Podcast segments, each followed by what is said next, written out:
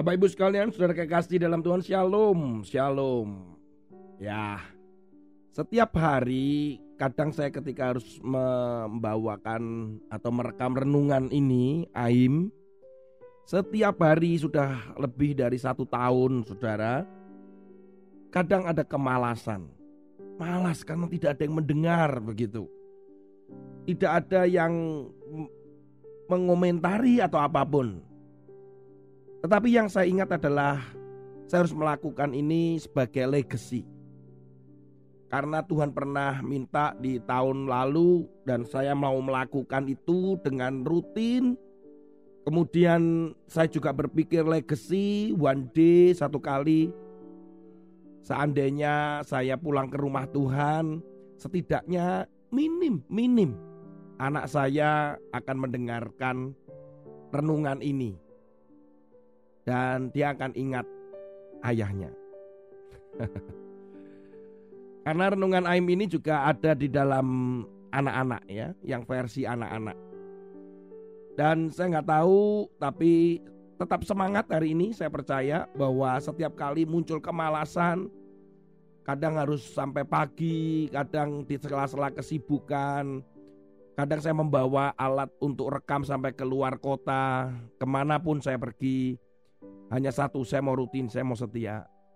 Dan di situ juga ada kesempatan untuk saya merenungkan firman Tuhan setiap hari. Malas. Malas. Ternyata malas ini adalah bagian dari dosa yang ditulis sebagai dosanya itu disebut sebagai seven capital sin atau tujuh dosa pokok begitulah. Nah, Ternyata malas ini pada nomor ketujuh. Ini orang Katolik, orang Kristen ada yang mengikuti ini bahwa dosa itu yang pokok itu ada tujuh katanya. Nah malas itu ada di dalamnya karena malas ini benar-benar bisa menjadi cikal bakal perbuatan jahat. Malas bekerja kemudian mencuri. Karena firman Tuhan di dalam Amsal pasal yang ke-18 ayat 9 Orang yang bermalas-malas dalam pekerjaannya sudah menjadi saudara dari si perusak. Jadi lihat bahwa ada kerusakan. Orang malas ini juga membawa kerusakan, saudara. Orang malas itu bahkan saya menemukan malas itu karena malah sebaliknya. Orang malas karena kasih karunia Tuhan. Merasa nggak perlu lagi melakukan pelayanan, nggak usah lagi menolong orang lah, nggak perlu lagi membagikan firman atau mencoba untuk menginjil. Karena ya sudahlah, itu kan Tuhan yang berkuasa, Tuhan bisa lakukan itu dan seterusnya. Nggak usah ke gereja lah, yang ada di gereja itu adalah di tubuh kita kan. Nggak usahlah melayani, toh ada yang lain sudah melayani. Seterusnya demikian. Orang-orang model ini nggak heran ketika di dalam Matius pasal 25 ayat 26 dalam sebuah perumpamaan itu Yesus mengatakan bahwa si tuan itu marah dengan si hamba dan berkata, "Maka jawab tuan itu, "Hai kamu hamba yang jahat dan malas." Saudara, kemalasan itu tidak bisa dianggap enteng loh, serius. Seringkali kita menganggap nggak apa-apa lah. Ayo kita serius, kita harus. Makanya saya ngomong ini sekarang dengan semangat, saudara. Thomas Aquinas mengatakan bahwa kemalasan sebagai kesedihan dalam hal kebaikan rohani. Melalaikan untuk berbuat kebaikan.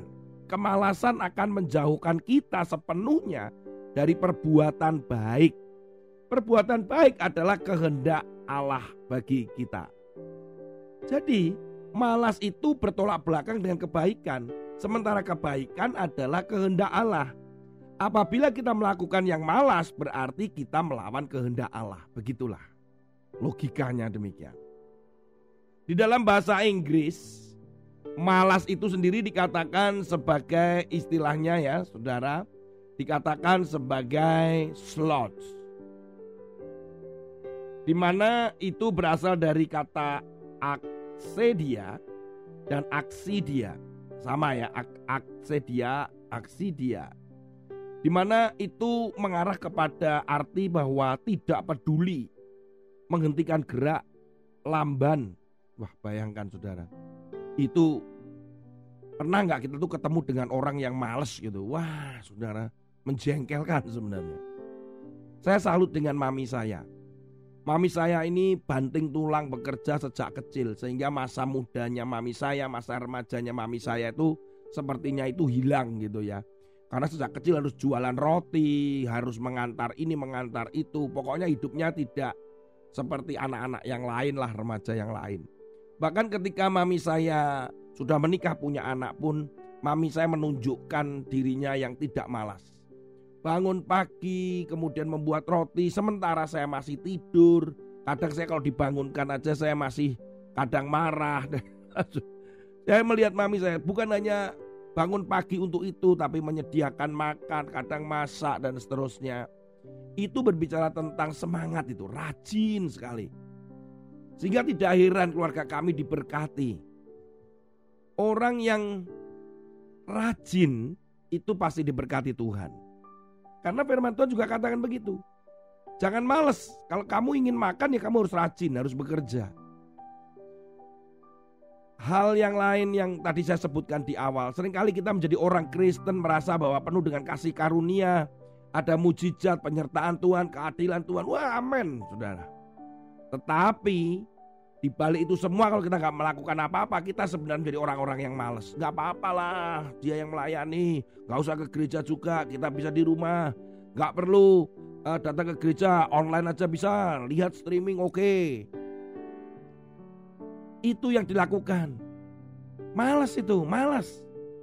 Hai pemalas, belajarlah dari si semut.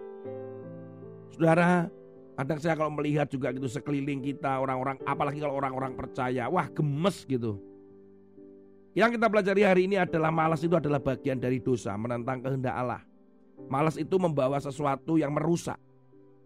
Dan satu lagi saya pernah membahas, malas itu menular.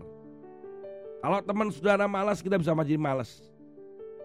Saudara, mari kita bangkit. Ya. Yang keempat kita belajar bahwa malas itu menunjukkan kita menyanyiakan kasih karunia Tuhan. Hanya beralasan saja untuk kita santai-santai dan tidak melakukan kehendak Tuhan dan melakukan pekerjaan Tuhan. Mari kita terus semangat, bangkit, rajinlah dan cari kehendak Tuhan dan lakukan kehendak Tuhan. Amin. Di